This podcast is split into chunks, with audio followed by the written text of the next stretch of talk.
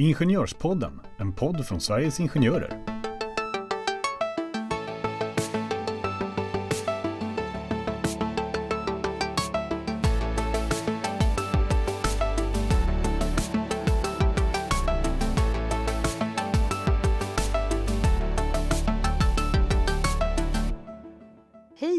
Välkomna till ett nytt avsnitt av Ingenjörspodden. Även i detta avsnitt så har jag vid min sida Magnus Bäckström, enhetschef för den juridiska enheten med mig och det är jag mycket glad för. Idag ska vi prata om omplaceringar och det här är ett begrepp som används ofta när man pratar om arbetsrätt Eh, men ibland så kan det vara lite snurrigt att veta vart någonstans man är i eh, vilken, både vilken paragraf och vilket begrepp. Eh, Det kan helt enkelt vara lite svårt att hålla tungan rätt i mun och därför har jag vid min sida Magnus Bäckström. Varmt välkomna ska ni vara till ett nytt avsnitt.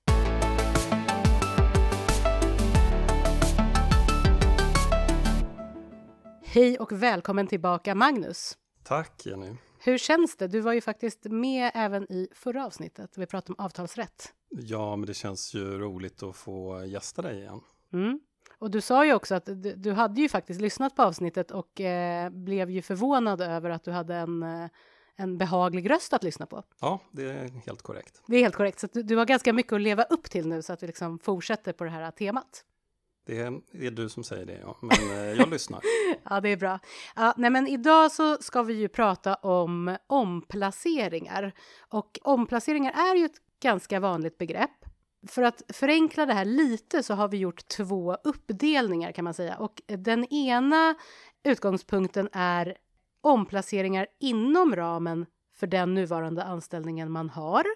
Och sen har vi så att säga situation två och det är omplaceringar inför uppsägningar på grund av arbetsbrist eller personliga skäl. Och det är de två eh, delarna vi kommer att eh, gå in lite närmare på. Jag tänker att Magnus, vi börjar med den första situationen, det vill säga eh, att man ska omplaceras inom ramen för ens egna nuvarande anställningsavtal. Mm.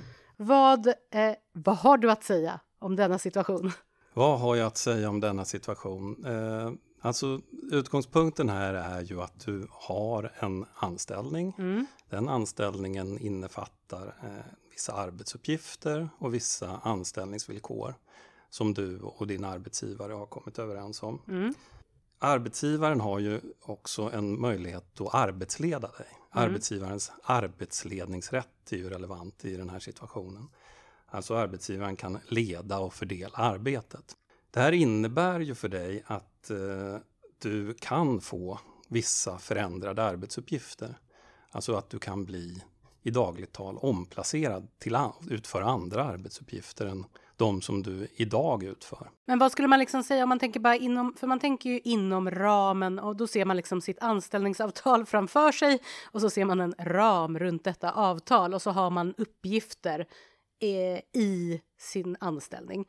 Hur, för att jag tänker liksom, ibland kan det ju vara så att man gör en ganska liten del av någonting Mm, i ens, och det ingår i ens anställning att göra det. mm, Eh, bemanna telefon kan det ju vara så att man är med jour eller man Mm. ger rådgivning en, en som vi gör här, att man kanske rådgivning en halv dag i veckan. mm. Eh, skulle man då kunna säga att eh, man utökar den här delen och då ligger det ändå inom ramen för anställningen eller hur skulle du se Ja, på men det? det där blir ju så här klassiskt som det alltid är inom juridiken. Mm. Det beror på. Ja, Eh, och eh, det är ju ditt anställningsavtal är typiskt sett som avgör. Det, kanske, det beror på vad står i ditt anställningsavtal för det första. Det kanske Mm. står att du är anställd som tjänsteman. Mm. Ja, då, då skulle man väl typiskt sett eh, säga att du har eh, en arbetsskyldighet som spänner över hela tjänstemanna arbetsuppgifts eh, området. området. Så att du på något sätt skulle vara... ar- Arbetsgivaren kan arbetsleda dig till att utföra andra tjänstemanna arbetsuppgifter men inte arbetsuppgifter som ligger helt utanför vad ni har kommit överens om. Ja. Mm. Så det är en ganska, ändå ganska vitt begrepp. Ett ganska vitt begrepp. Sen kan det ju vara så att det är ditt anställningsavtal väldigt preciserat vad du, ska, vad du är anställd för att Mm. utföra. Eh, och då skulle man ju på ganska goda grunder kunna hävda att din arbetsskyldighet också är eh, mycket mer begränsad än annars. Och kan man, nu tänker jag högt här, eh, kan man, för det är svårt att tänka tyst i en podd, nej men eh, kan man som arbetsgivare då bara hipp som happ så att säga omplacera eller rättare sagt så här, kan du Magnus som är min chef, mm. vilket du är, kan mm. du omplacera mig eh, från idag till imorgon? Nu sitter jag här och svettas. Um, nu är du anställd som förbundsjurist, Jenny. Mm. Det, det sätter ju vissa begränsningar ja. kring vad jag kan eh, ge dig för arbetsuppgifter. Men även hos oss finns det ju en mängd olika arbetsuppgifter som vi sysslar med. Mm. Vi eh, driver processer i domstol. Eh, vi rådger mm. eh, såväl ombudsmän som, som medlemmar i vissa fall. Mm. Vi håller kurser och utbildningar. Eh, vi eh, svarar på remisser. Det här var en väldigt bra fråga kände jag, för nu fick vi också in vad gör en förbundsjurist? Ja. Det var mycket bra. Ja. Eh, och, och, det där innebär ju att allt det där är ju du arbetsskyldig för. Mm. Och om jag skulle märka att du passar ju alldeles utmärkt för en av de här mm. arbetsuppgifterna mer än för någon annan så skulle jag ju i princip kunna säga att Janne, jag tycker att vi ska koncentrera din tjänst mm. på att processa i domstol till exempel. Mm. Så vi lägger större fokus där. Nu skulle inte jag kanske göra det, för jag tycker att alla ska, ska få göra varierade arbetsuppgifter. Men, mm. men visst är det möjligt. Ja, men skulle du kunna göra det från en dag till en andra? Eller måste, för det, för det är ju det här kända begreppet som du också själv sa, att en arbetsgivare någonstans eller representant har ju rätt att leda och fördela arbete. Mm. Så att kan du liksom säga det här från en dag till en annan? Nu tänker jag på utifrån de frågor vi faktiskt får från medlemmar, att nu ska jag helt plötsligt omplaceras här. Eh, och då börjar man ju liksom rota i det här, är det inom ramen för anställningen mm. eller är det för någonting annat? Varför ska jag omplaceras? Men nu utgår vi från att det är inom ramen för anställningen, eller hur? Ja, nu utgår vi från eh, det. Ja, och, då är det ju i princip min mm. arbetsgivarens fulla frihet mm. att, eh, att styra dig att arbeta med, med det som inom din anställning, arbetsuppgifter som ligger inom din anställning som arbetsgivaren tycker att du eh, har goda förutsättningar att, att hantera på ett Så bra man skulle sätt. kunna säga att i det fallet du skulle göra eh, så då mot mig och jag skulle vara på något sätt missnöjd så har jag inte jättemycket att komma med inom just mm, ramen för Nej, det har du ju inte eh, där. Och det där kan ju också vara, det behöver inte bara gälla arbetsuppgifter egentligen. Det kan ju vara så eh, att eh, det gäller en förändrad placeringsort till exempel. Mm. Många anställningsavtal idag kanske innehåller en skrivelse som säger att du är anställd på Sveriges Ingenjörer eh, för närvarande placerad vid kontoret i Stockholm. Mm. Så det där ska man kolla lite extra på när man skriver på sitt anställningsavtal ja. kanske? För då kan det ju vara så att vi har ju andra kontor i mm. Göteborg och Malmö. Mm. Eh, och någonstans så kanske arbetsgivaren menar då att nej men i ditt anställningsavtal där finns ingen utpekad placeringsort och nu vill vi att du ska jobba från Malmö framgent. Mm. Eh, och menar att det är inom ramen för din nuvarande anställning. Och nu pratar du ju om privat sektor, men pratar vi om till exempel statlig sektor, eh, då har du ju en arbetsskyldighet i hela Sverige. Mm. Så att där är det ju inte ens eh, inskrivet. Så att det gäller väl också bara nu tips till er som lyssnar att man det här är en av de sakerna jag tycker att man ska titta lite extra på när man granskar ett anställningsavtal så mm. att man ser orten då i, i, vissa fall. Till exempel, men, men det finns annat. Tycker du att vi är, ska nöja oss vid denna första eh, punkt eller situation, det vill säga omplacering ja, inom ramen. Man kan väl tänka också lite så här, tänker jag då, att man, man kan ju prata om vad som definitivt är en omplacering utanför ramen för anställningen. Ja. Eh, för att skilja de två situationerna åt. Mm. Eh, och, och någonting som är väldigt tydligt är ju att du och jag har kommit överens om en lön för dig. Mm. Och Det är ju nu börjar del... du liksom harkla dig, för det ja. blev lite så här, ska vi ha ett lönesamtal här? För då den... blir det väldigt jobbigt att det här var forumet för det hela. Eh, jag, jag tänkte väl att den var ohemult hög. eh, nej, men skämt åsido, ja. jag tänker att, att om, om det är en del av ditt anställningsavtal, den överenskomna lönen. Jag, Som kan, är ju inte, låg. jag kan ju inte ja. Eh, med stöd av min arbetsledningsrätt Mm. sänk, ensidigt sänka din lön till exempel. Nej, då har, du gått, eh, då har du gått över gränsen. Då har jag gått utanför ditt anställningsavtalsram eh, och det kan man inte göra. Man kan inte ensidigt förändra ett avtalsförhållande på det sättet. Mm.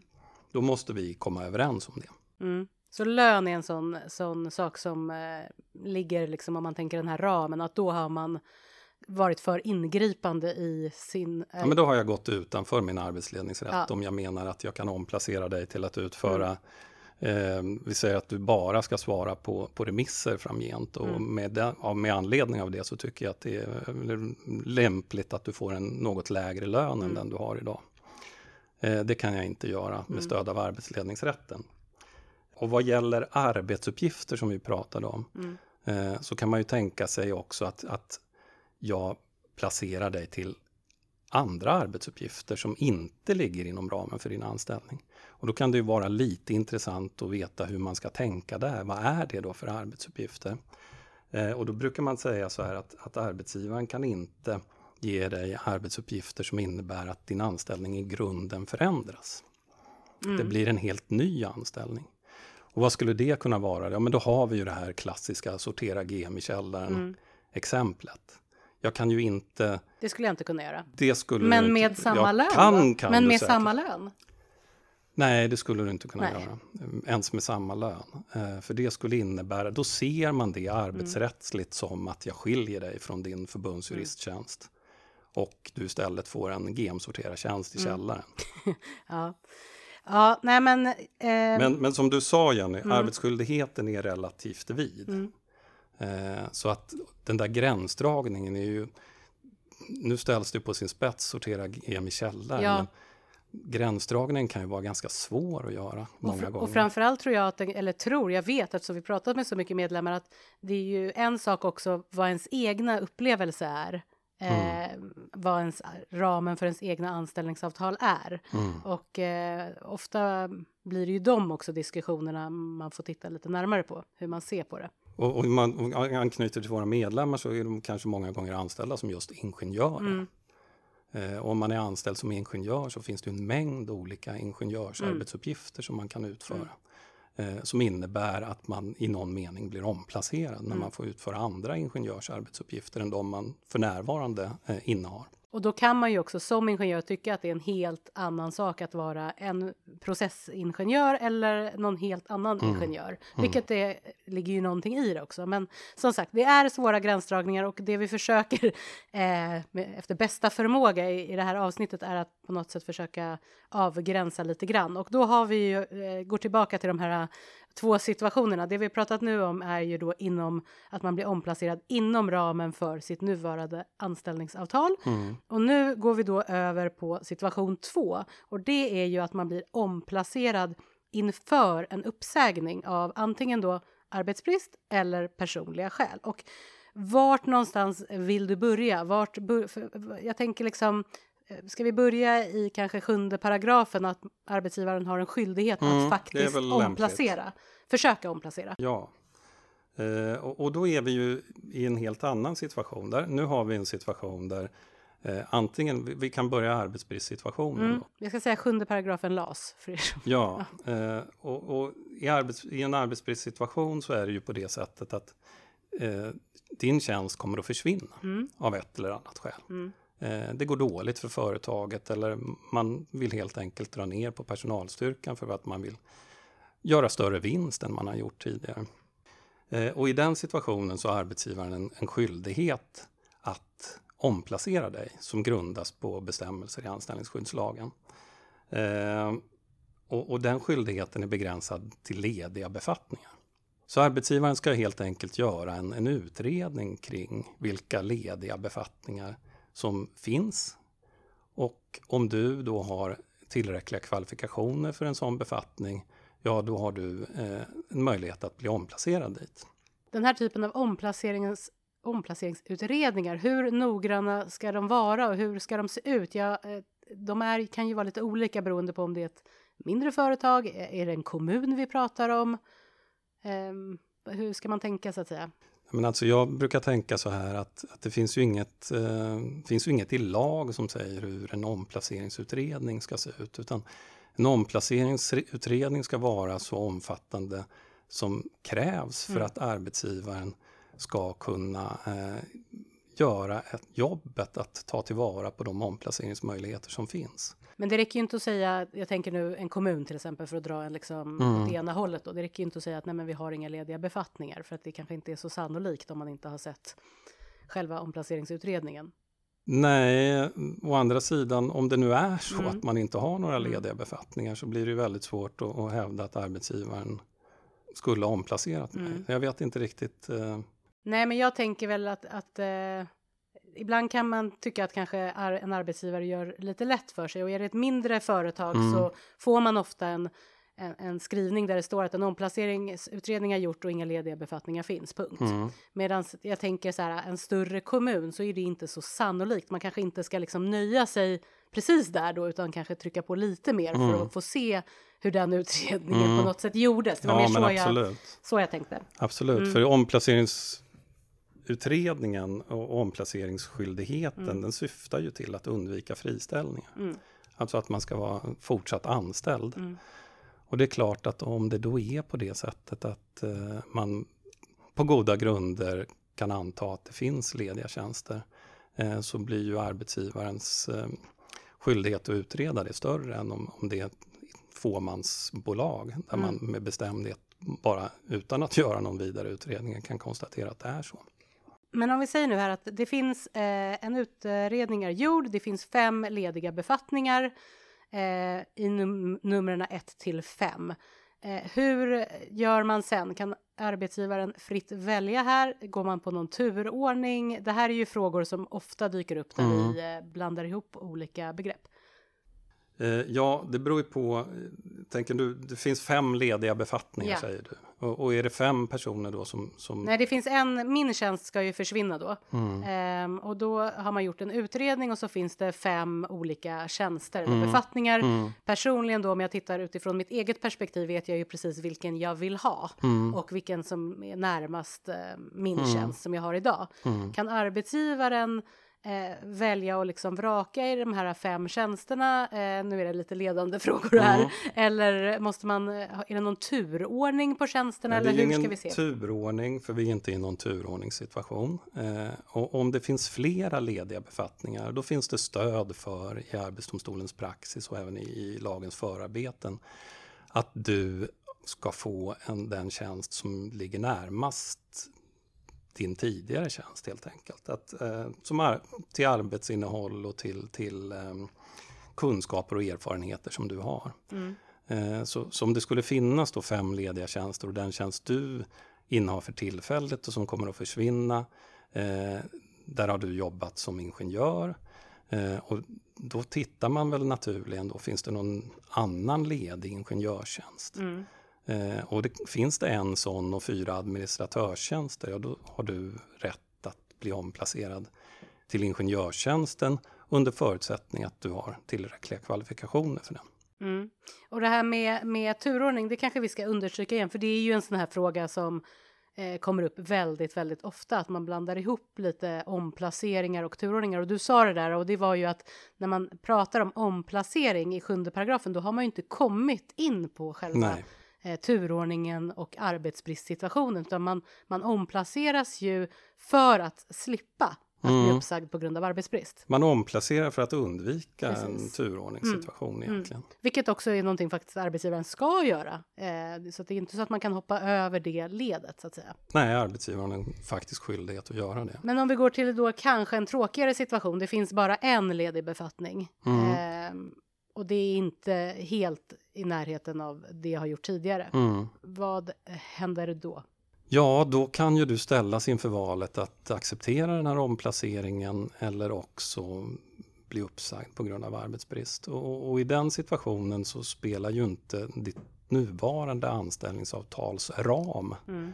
eh, någon roll. Utan det kan ju innebära att du får ganska mycket mer förändrade arbetsuppgifter än vad du skulle kunna få inom ramen för en omplacering inom eh, anställningsavtalet. Och då pratar vi även eventuellt lägre lön? Det kan också innebära, mm. precis som du säger, att dina villkor blir förändrade. Mm. Och det vi brukar prata om då, och det här är ju liksom ett eh, avsnitt vi skulle kunna ha ett helt avsnitt om, det ska vi inte ha, men det är ju ett skäligt omplaceringserbjudande.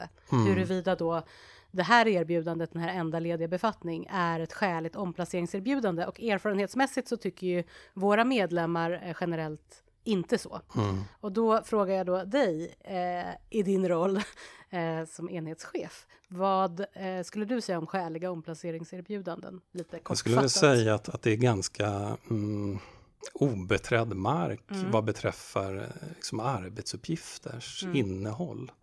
Eh, de rättsfall som finns på det här området handlar ofta om eh, att man får ett omplaceringserbjudande till någon annan ort mm. än den man för närvarande är anställd vid. Det finns något rättsfall som innebär att en arbetstagare får ett omplaceringserbjudande.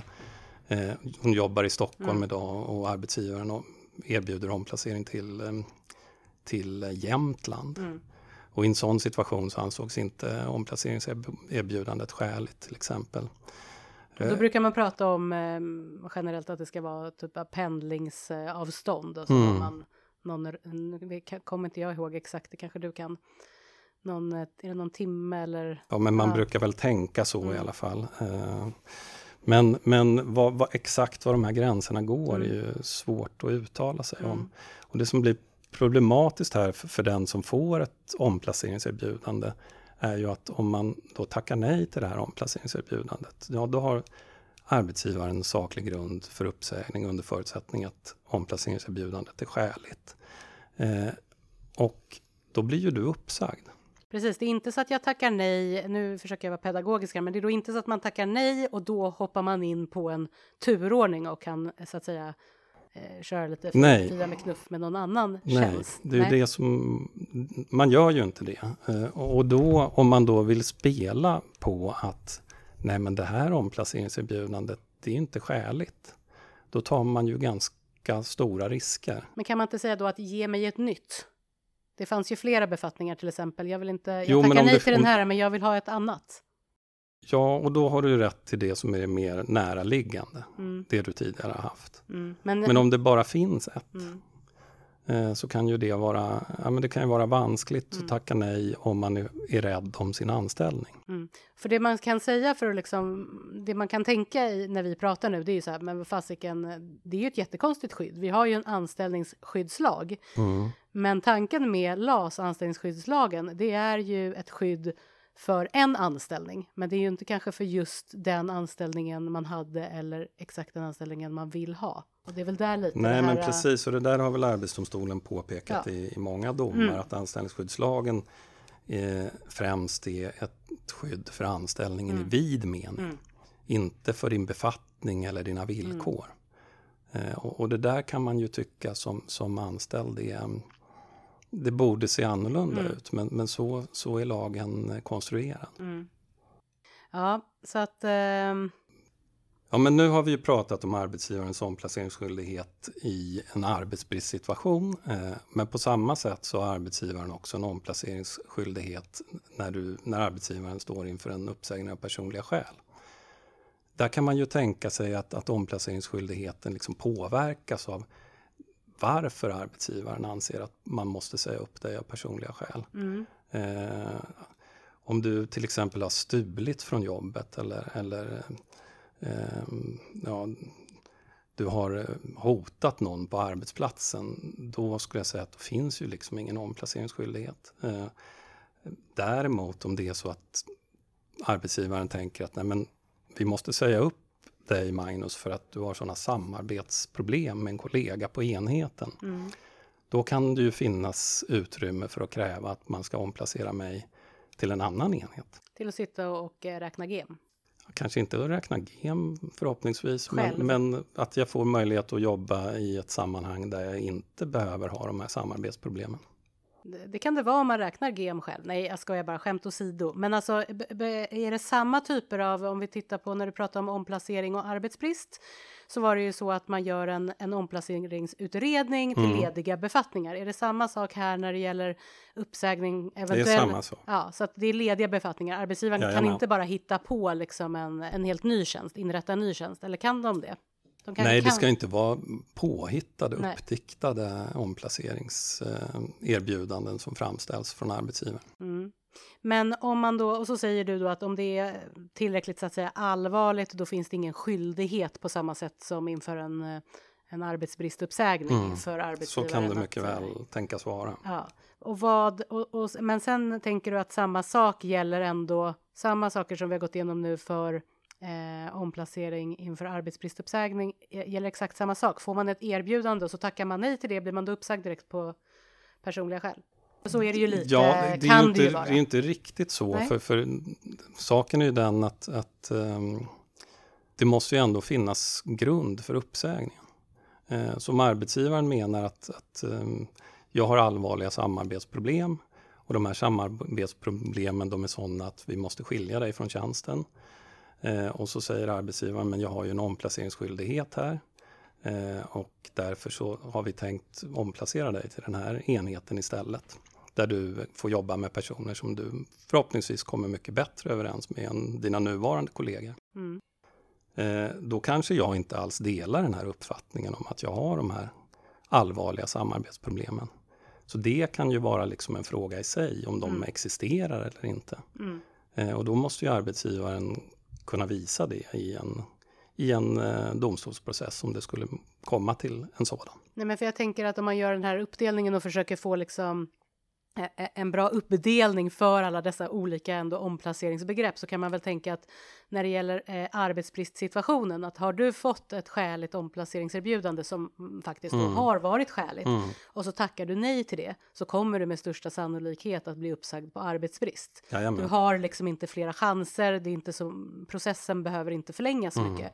Medan skillnaden om du faktiskt eh, säger emot på den här eh, eh, eventuella omplaceringen då inför uppsägning på personliga skäl och du säger att det, ligger, finns ingenting i det här. Mm. Då blir du inte per automatik, nu gör jag situationstecken i luften, Mm. men uppsagd på grund av personliga skäl, utan då kommer en process att sätta igång huruvida det faktiskt fanns saklig grund eh, att säga upp. Så det är liksom lite annorlunda så.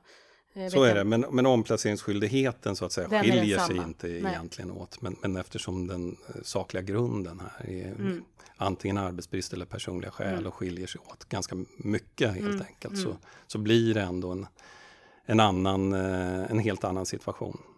Okej Magnus, vi har en situation kvar kan man säga, en omplaceringssituation. Vad, vilken situation är det? Ja, men då är det ju den situationen att, att man helt enkelt har en arbetsbrist eh, och eh, man kan konstatera att det inte finns några lediga befattningar att omplacera dig till. Mm. Eh, och, och då finns ju omplacering inom ramen för, för LAS turordningsregler Mm. helt enkelt. Eh, och, och då är det ju så att längre anställningstid och tillräckliga kvalifikationer, ja då kan du ha rätt att överta någon annan arbetstagares arbetsuppgifter som har kortare anställningstid än du. Men börjar man då längst nerifrån listan, eh, allra längst ner, alltså absolut kortast anställningstid oavsett eh, befattning? Eller hur går man? För att det, det, hela tanken med det här är att det inte ska vara så mycket fia med knuff. Mm. Alltså, Nej men man, man kan väl säga så här att, att nu vet vi ju inte, vi har ingen turordningslista Nej. här, vi vet inte vad du har för plats i turordningen, men det är din tjänst som kommer att försvinna och Mm. du har ganska lång anställningstid. Det finns Mm. många anställda efter dig. Och du har tillräckliga kvalifikationer för en mängd av de här befattningarna. mm. Eh, och, och då skulle man ju kunna tänka sig att du fick peka då på Mm. den tjänst som du helst ville ha. Du kunde arbetsgivaren få duka upp ett smörgåsbord här Mm. för dig där du kan välja och vraka. Men, men riktigt så fungerar ju inte anställningsskyddslagen utan eh, arbetsgivaren vill ju sannolikt göra så, så lite förändringar som möjligt i, i den här verksamheten och kommer då troligen att erbjuda dig en eh, befattning som någon har som har den allra kortaste anställningstiden. För annars måste han ju flytta om hela arbetsstyrkan potentiellt. Här. Mm. Vilket också i sin tur då kan ju betyda ehm, både lägre lön, Eh, det kan ju vara högre lön, men... Skulle ja, kunna vara högre skulle lön. det kunna vara. Nej, men lägre lön, andra mm, uppgifter och så vidare. Utan man ja, tittar ju på liksom själva tjänsten, inte För då på är du ju återigen utanför ramen för ja. ditt nuvarande anställningsavtal. Ditt Mm. nuvarande anställningsavtal kommer ju inte finnas kvar Nej. eftersom det är just det som är drabbat av arbetsbrist. Nu kom jag på, och det ska man ju kanske inte göra nu när vi gjort en sån fin uppdelning, men en sån här vanlig fråga som man får när det gäller omplacering är ju från när eh, börjar det här nya omplaceringen att gälla? Är det liksom en uppsägningstid? Eh, skiljer, det sig Mhm, åt, så. ja, skiljer det sig åt om man är inom ramen för anställningen eller utanför ramen? Nej, men alltså alltid så är det ju så att eh, om du blir omplacerad, pratar vi nu om en arbetsbristsituation. Ja, men vi kan prata egentligen, tänker jag, för det där är en sån här fråga som man får rätt ofta. Om man då är inom ramen för anställningen, den här vi pratade om precis här i början, för jättelänge sedan känns det som nu, med min eh, förbundsjuristroll och så ska du omplacera mig inom ramen för den anställningen Ja. till att göra Och, och då är det ju egentligen ingen Nej. förändring av ditt anställningsavtal. Så Nej. då gäller ju det Så du kan säga egentligen från och med imorgon så Mm. Börjar du att eh, vad det nu är. Mm. Mm. Om vi tar den andra situationen då med arbetsbristen till exempel. Alltså man får ett, om, ett skäligt omplaceringserbjudande och så får du kanske en vecka på dig att tacka Mm. ja eller nej. Och, och då gäller ju det från det att du förhoppningsvis då accepterar det här omplaceringserbjudandet. Och gör du inte det, ja då blir du sannolikt då uppsagd på Mm. grund av arbetsbrist, om det är en arbetsbristsituation. Och då börjar din uppsägningstid att löpa. För det där vet jag är en fråga som, eh, har, som jag har fått höra många gånger i alla fall. Att ja, men om jag nu tackar ja till det här skäliga omplaceringserbjudandet och jag har jobbat här i tio år, då börjar ju det gälla om sex månader. Och så är det ju inte då. Nej. Det var egentligen bara det jag ville få in här. Men jag tänker att innan jag kommer på massa eh, olika nya frågor här så Mm. tänker jag att vi ska knyta ihop säcken lite här. Mm. Eh, och eh, för att ni inte ska behöva lyssna på avsnittet tre gånger, hur knyter vi ihop säcken? Vad ska man helt enkelt tänka på när det gäller omplacering? Ja, men då tänker jag så här att ehm, det här är ju lätt lite förvirrande. Ja, Eh, jag tror att man måste försöka göra klart för sig vilken omplaceringssituation man har att göra med. mm, Vad är det? Nu har vi, vi har pratat egentligen om omplaceringar inom ramen för, för den nuvarande anställningen. Vi har pratat om omplaceringar utanför ramen för den nuvarande anställningen. Vi har pratat om eh, arbetsgivarens omplaceringsskyldighet. mm, Dels vid arbetsbrist men också personliga skäl. mm. Och sen har vi pratat om omplaceringar inom ramen för LAS turordningsregler. Mm. Och om man inte eh, Om man inte är förvirrad nu, då, om man inte är förvirrad efter det så har man, har man sannolikt eh, bra koll. bra koll. Ja. Men, men för att undvika att bli förvirrad så tror jag att det är väldigt viktigt att man gör klart för sig vad är det för situation som jag är satt att hantera här? Mm. Vilken situation befinner jag mig i? Eftersom regelverket ser så olika ut beroende på vilken av de här olika situationerna man eh, brottas med. Och ring gärna ska jag säga om det är så att man inte riktigt vet så är ju det här typiska frågor att eh, kontakta våran eminenta rådgivning här på förbundet. Det låter bra. Mm. Ehm, ska, vi, ska vi sätta punkt där? Ja, det tror jag. Och då ska jag tacka dig så hemskt mycket för att du har varit med i de två senaste avsnitten av Ingenjörspodden. Och det här kommer faktiskt att bli vårt sista avsnitt inför eh, sommaren. Så att vi kommer att ehm, ses och höras i höst och vem vet, då kanske även du gästar oss då. Det hoppas jag. Eh, om ni har några eh, tankar eller idéer om vad ni vill höra på här i Ingenjörspodden så är vi eh, öppna för det. Och då kan ni mejla på till Ingenjörspodden eller Ingenjorspodden snabel sverigesingenjorer.se. Blir vi väldigt glada. Där kan ni även skicka ris helst inte ris, men mest ros. Men eh, vad ni, om ni har några tankar om podden. Ehm, ja, Då får vi väl önska våra lyssnare en trevlig sommar. det gör vi. Trevlig sommar. Hej då!